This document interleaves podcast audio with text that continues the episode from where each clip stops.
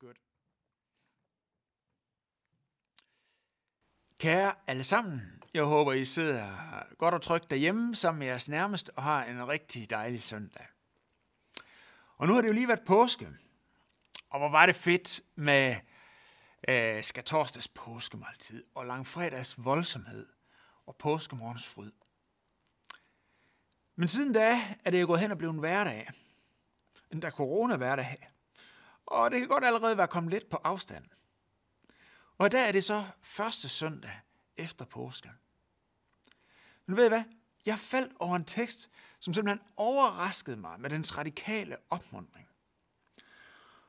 Og nu kan man måske godt tænke, at en præst burde ikke blive overrasket over noget, der står i Bibelen. Men jeg har simpelthen glemt, hvor vildt det her det er. Nemlig det, hvordan vores almindelige liv bliver koblet sammen med alt det vilde, der skete med Jesus i påsken. Ikke bare som en eller anden form for inspiration, en opbyggelig historie, ligesom man kan høre her om Hans og Grete, og så blive inspireret af det. Heller ikke sådan, at en gang, når Jesus kommer igen, så kommer der kød på bordet. Men allerede nu, en begyndende proces ved Jesu opstandelseskraft, som der står i Kolossensbrevet kapitel 3, vers 1. Når I nu er oprejst med Kristus. Det er ikke noget, Paulus han skrev til kristne, som var afgået ved en fysisk død og var opstået på en eller anden anden planet, og så har han kunne sende et brev til dem på en eller anden måde. Men det var noget, han skrev til helt almindelige kristne i Kolosse.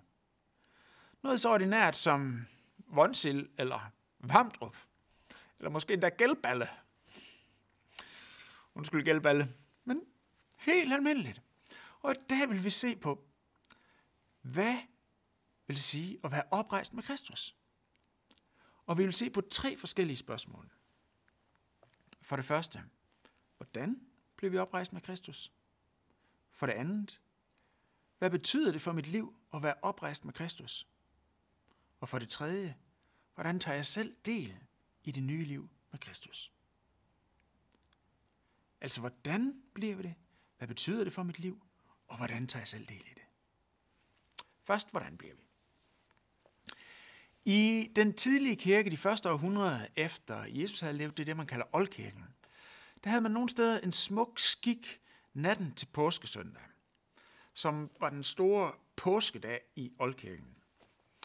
Og der mødtes menigheden øh, allerede inden solen stod op påskemorgen med de nye dåbskandidater, som gennem fastetiden har forberedt sig på at øh, skulle døbes påskemorgen. Og lige før solopgang, så steg de her dåbskandidater ned i dåbsbassinet og blev døbt. Og der havde man mange steder dengang et ordentligt badekar, så man kunne komme helt ned under vandet og op igen. Og så som det første, der skete, når lyset, sollyset påskemorgen kom ind af vinduet og ramte vandet i dåbsbassinet, og dermed varslede den nye dag, hvor Jesus stod op af graven, så stod dåbskandidaterne op af dåbsgraven. Dengang skældnede man ikke så meget mellem form og indhold. Man var overbevist om, at det dåben afbilleder er også det, den udfører. Og det er præcis det, Paulus han taler om i Kolossenserbrevet kapitel 2, vers 12, som vi læste. Når han siger, I blev begravet sammen med Jesus i dåben. Og i den blev I også oprejst sammen med ham ved troen på Guds kraft, der oprejste ham fra de døde. Og han siger det endnu mere tydeligt i sit brev til Romerne kapitel 6, hvor han siger, I blev altså begravet sammen med ham ved dåben til døden, for at også vi, sådan som Kristus blev oprejst fra de døde, skal leve et nyt liv. Så dåbens neddykning er en drukne død, der gør, at vi vokser sammen med Jesu død på korset. Og dåbens opstandelse, når vi bliver rejst op igen, er en oprejsning til et nyt liv ved Jesus' opstandelse fra de døde. Sker det så fordi, at dåben er sådan et eller andet specielt magisk vand? Nej, det gør det ikke. Men det sker på grund af Guds ord og løfter, forbundet med vandet i dåbshandlingen. Og det gavner den, der tager imod det i tro. Kirkehistorisk set har man sådan haft lidt svært ved at forholde sig til forholdet mellem dåb og tro. I vores egen kære folkekirke, der har man med rette stærkt betroet dåbens betydning som Guds forvandling. Men så når det kom til det her med tro, så har man været lidt mere tilbageholdende. For det skulle jo nødigt gå hen og blive alt for personligt. Og hvis man nu også skal tro, så får det jo en konkret betydning for det liv, man skal leve. Men Jesus har ikke gjort det hele, så, ah, så har man især betonet, øh, betonet dåben i stedet for. Og så er de her kære frikirker, så har man berettet holdt fast i den personlige tro og efterfølgelse af Jesus. Og man vil i hvert fald ikke sidde og fiste den af på dåbens sovepude. Men så når Jesus han taler om det her i missionsbefalingen, hvor han siger, gå hen og gør alle folkeslagene til mine disciple, i det I døber dem, i faderen, søndens og helligåndens navn, så har man sagt, nå ja, men altså, det, det vigtigste er nu det med at tro på Jesus. Og begge steder så hopper kæden af, når man for enkelthedens skyld skiller dåb og tro ad. I Bibelen der holdes de to ting altid sammen. Men hvad betyder det så for dig, som er døbt og som tror? Det er det, vi vil prøve at kigge på som det andet spørgsmål. Men lad os lige prøve at starte med at dvæle ved den her radikale tanke. At du som er døbt og tror på Jesus, allerede er død og oprejst til et nyt liv. Allerede er død og oprejst til et nyt liv. Min påstand er, at lige præcis det er, hvad alle danskere længes efter. Og der tænker du måske, okay, sød præst. Det tror jeg så ikke. Det har jeg aldrig nogensinde hørt nogen sige. Min største drøm er faktisk, hvis jeg var død øh, med Jesus og opstået fra døden til et nyt liv. Og ved du hvad, det tror jeg, du har fuldstændig ret i. Og faktisk, så tror jeg heller ikke, der er mange kristne, der går og drømmer om det. Og faktisk har selv præsten glemt, hvor vildt det her det er. Jeg tror det er simpelthen, fordi vi alle sammen tænker, at det her det er for godt til at være sandt. Så lad mig prøve at forklare, hvad jeg mener med den påstand om, at det dybest set er det, vi alle sammen længes efter. Jeg tror nemlig, at alle danskere længes efter en dom, der retfærdiggør deres liv. En dom, der for altid afgør, at vi er okay. En dom, der for altid slår fast, at vi er værd at elske. At vores liv har betydning. At vi er elskværdige. Og vi søger konstant den dom i andres ankendelse af vores præstation. Vi søger den ved at hige efter likes på de sociale medier, når vi deler vores mest vellykkede øjeblikke. Vi søger den afspejlet i karakteren på den opgave, vi får tilbage. Vi søger den afspejlet i vores CV. Vi, ønsker, vi søger den afspejlet i den elskendes blik. Og ikke nok med det. For det er ikke nok med en dom, der siger, at vi er dygtige, eller smukke, eller rige, eller dejlige men vi må også være dygtige rø, smuk rø eller rigere. For en middelkarakter kan ikke være tilfredsstillende. For det vi længes efter er ikke bare middelmådighed, men herlighed, stråleglans, renhed, perfektion, evighed. Ja, man kan måske ligefrem sige hellighed. Vi længes efter en dom, der for altid retfærdiggøres. Sangeren Madonna, som jeg vil rose for hendes øh, selvsigt, selvindsigt, har sagt i et interview til, det, til modemagasinet, øh, som jeg ikke ved, hvordan man udtaler, men det staves V-O-G-U-E. Hun siger sådan her citat. Det, der driver mig i mit liv, er en frygt for at være middelmådig. Det hjemsøger mig hele tiden. Og jeg kan arbejde mig igennem et anfald af denne frygt, komme ud på den anden side og føle mig øh, som et ganske særligt menneske. men straks føler jeg mig igen middelmådig og uinteressant, mindre jeg finder på noget andet, noget nyt. Og selvom jeg er blevet noget, må jeg hele tiden bevise for mig selv, at jeg er noget. Alle danskere længes efter en dom, der retfærdiggør vores liv. En dom, der for altid afgør, at vi er okay. At vi er værd at elske. At vi er dejlige. At vores liv har betydning. Og fordi vi tror, at det kan lade sig gøre, så kæmper vi som gale.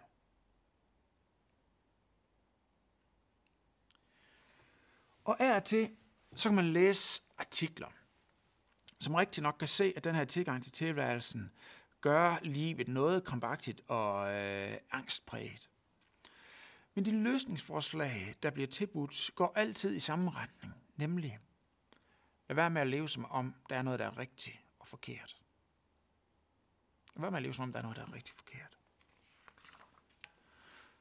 Men ingen finder hvile i den tilgang. For vi ved alle sammen, at det ikke passer. At der er noget, der er rigtigt, at der er noget, der er forkert, og der er noget, der er godt og, og sundt, og der er noget, der er skidt og destruktivt. Og derfor bliver vi ved med at sammenligne og søge andres dom, for om vi dog kunne få retfærdiggjort vores liv. I kristendommen, der møder vi en dimensional anderledes tilgang. Hvor en folkelig tilgang er den, der siger, at der er ikke noget, som er rigtigt og forkert, men så alligevel prøver vi på hele tiden på at få en retfærdiggørende dom. Så siger kristendommen, jo, der er noget, der er rigtigt og forkert, og der må falde en dom over dit liv. Men hvis du hænger sammen med Jesus, så er dommen over dit liv allerede eksekveret over Jesus på korset. Prøv at lægge mærke til, hvad der står i kapitel 2, vers 14. Der står, Jesus slettede vores gældsbevis med alle dets bestemmelser imod os. Han fjernede det ved at navle det til korset. Det betyder, at vi kan kæmpe for at lykkes og gøre det godt nok. Men Jesus har allerede gjort det perfekt. Og er du vokset sammen med ham i hans død og opstandelse, så er du allerede gjort perfekt. Så har du allerede gjort det perfekt. Og vi kan længes efter en vurdering, en dom, som for altid kan anerkende os, så vi kan hvile i den dom. Men ved du hvad? Den dom over dig har allerede fundet sted, da du døde med Jesus på korset. Og Gud har godtaget det ved at oprejse Jesus påske morgen. Og dermed sagt, det er okay, at det gælder for den, som er knyttet sammen med Jesus ved dåb og tro. Og ved du, hvad det betyder? Når vi i velsignelsen siger, Herren lader sit ansigt lyse over dig og være dig nådig. Ved du, hvad det betyder? Det betyder, at Herren lader sit ansigt lyse over dig. Lyse over dig af fryd, af tilfredshed, af stolthed over dig, af glæde, af ømhed på grund af nåden. Hans ansigt lyser over dig af veltilfredshed. Og ved du hvad?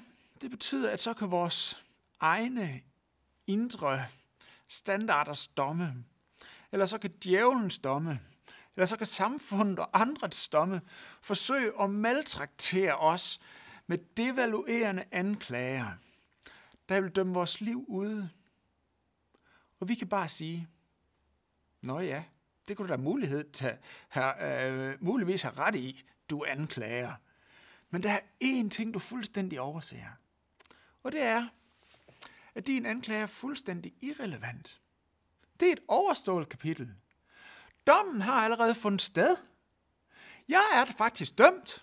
Jeg er død af det med Jesus på korset. Og jeg er oprejst igen til et nyt liv sammen med ham. Bird!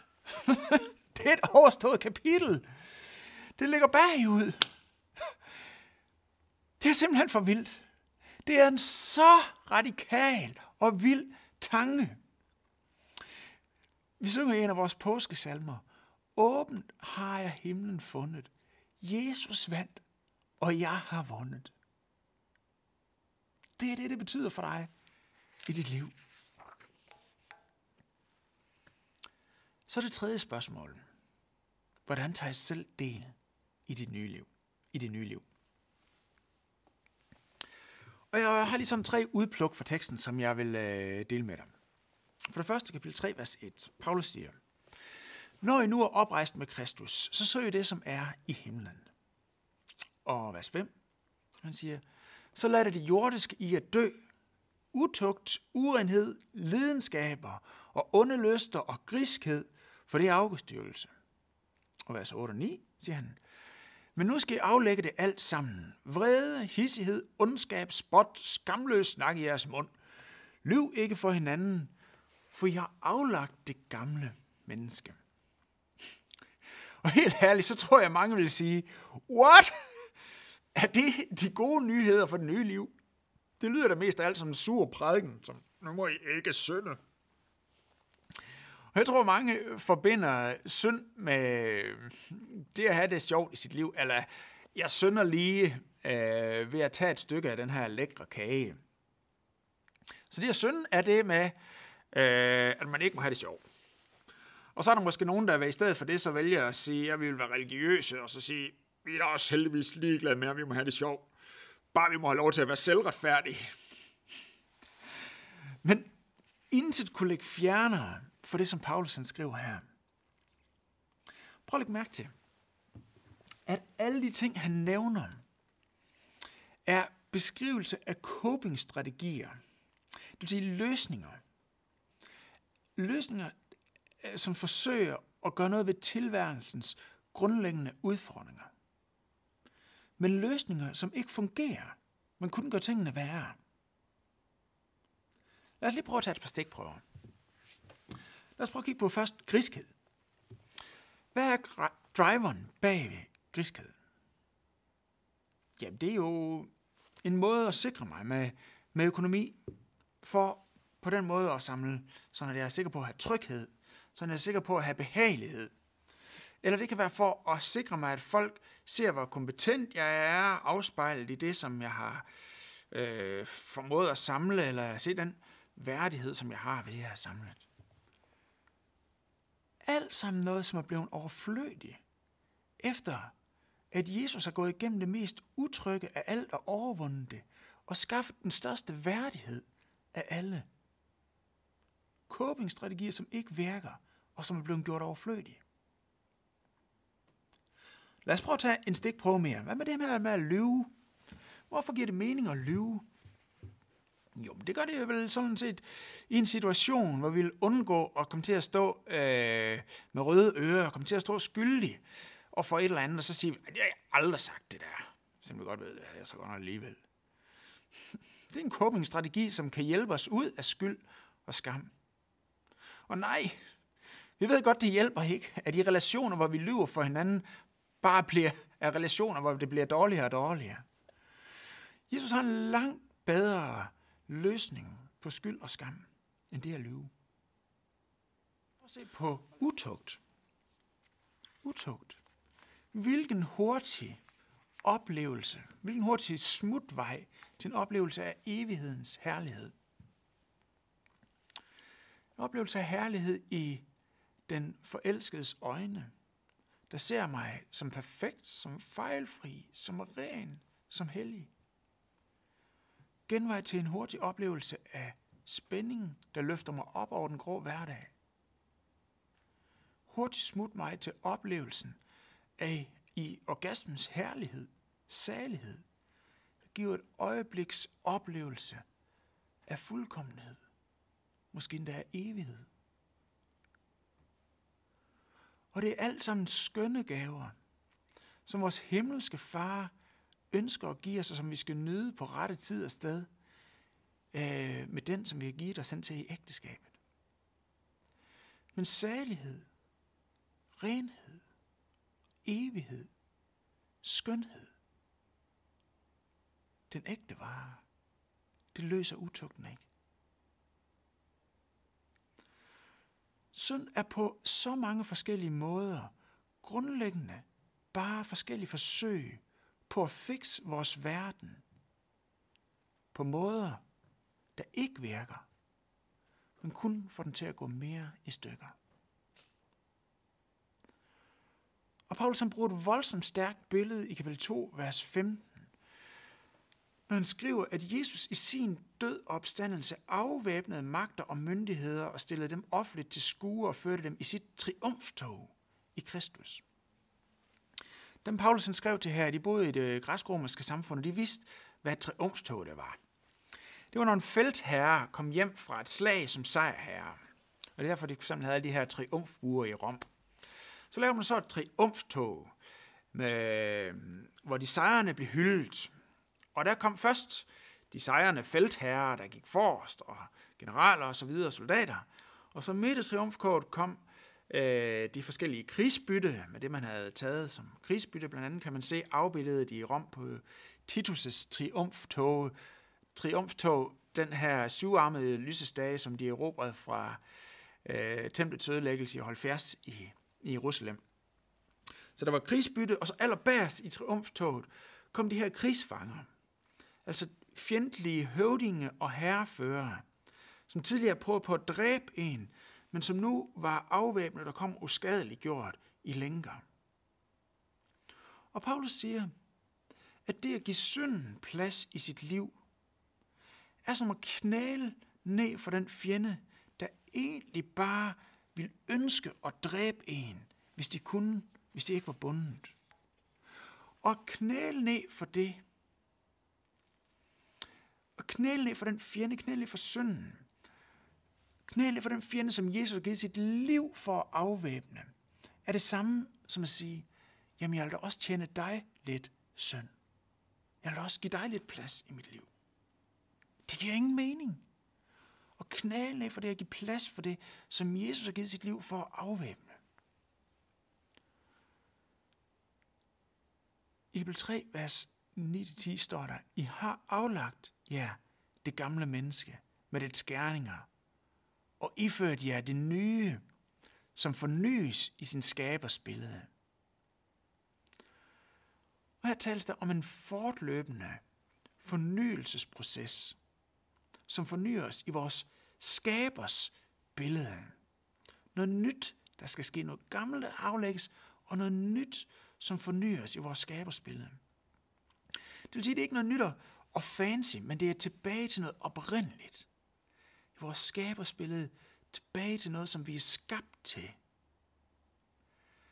Det er tilbage til genoprettelsen, harmonien i de strukturer, i vores sind, i vores krop, i vores tænkning, i vores relationer, ja i hele skaberværket, som vi er skabt til at fungere i. En genoprettelse af de strukturer og den harmoni, som vi er skabt til at leve i. Så husk, hvem du er. Husk, hvem du er. Husk, at du er vokset sammen med Kristus ved dåb og tro. Husk, at vurderingen og dom er et overstået kapitel for dig. Du kan simpelthen begynde at leve et liv, som handler om noget helt andet, end at få den næste, den næste gode dom, den næste gode like. Dit liv kan begynde at handle om noget fuldstændig andet, få et helt nyt formål. Og husk, at synd er den dårligste coping-strategi i den her verden. Du har faktisk slet ikke brug for nogen coping-strategi. For som Jesus sagde på korset, det er fuldbragt. Påsken er måske over, men påskens liv er lige begyndt. Må Gud velsigne dig. Lad os bede sammen. Jesus, vi vil ære dig for det, som du har vundet for os og til os i din død og din opstandelse. Og Jesus, det er så vildt, at vi får lov til at vokse sammen med dig, og på den måde få del i alt det, som du er gået igennem. Så det, springer vores, øh, springer vores tanke. Og vi beder om, Helligånd, at det må få lov til at synke ned i vores sind, i vores tænkning, i vores hverdag, i vores liv, og det må få lov til at forvandle os indenfra til et nyt liv sammen med dig. Det beder vi om i Jesu navn. Og øh, hvis du sidder og lytter med derude, og, øh, og aldrig har tænkt over det her med Gud på den her måde før, og tænker, hey, for sådan, jeg vil, jeg vil gerne til at leve sammen med Jesus. Ved du hvad? Så er det en udmærket dag at starte på det. Så hvis du gerne vil give dit liv til Jesus lige nu, så, øh, så vil jeg bede en lille kort bøn, som du kan bede med på i dit eget hjerte. Og ved du hvad? Så starter der et liv sammen med Jesus for dig i dag. Så hvis det er dig, der gerne vil det, så lad os bede sammen nu. Kære Jesus, jeg ønsker, at du skal være min frelser og herre. Og jeg ønsker at give slip på coping-strategier, som jeg har forsøgt mig med indtil nu, men som aldrig har været. Og Jesus, jeg ønsker at fordele det, som du har vundet til mig på korset. Og jeg ønsker at leve den nye liv sammen med dig. Og for i dag, Jesus, så ønsker jeg at kalde mig selv en kristen, fordi jeg ønsker at høre sammen med dig. Så tag imod mig og gør mig til dit barn. For dit navns skyld. Amen. Og øh, ved du hvad, hvis du øh, lige er blevet en kristen, og gerne vil snakke med andre, der er blevet kristne, ved du hvad, så er du øh, velkommen til at ringe eller skrive til mig. Øh, eller tage fat i en anden i en kirke i nærheden af, hvor du bor, eller en anden, du kender, der er kristen, og fortæl, hey, jeg er lige blevet kristen. Det er simpelthen det fedeste, der kan ske. Så tillykke med det, og glædelig søndag til jer alle sammen. Guds fred.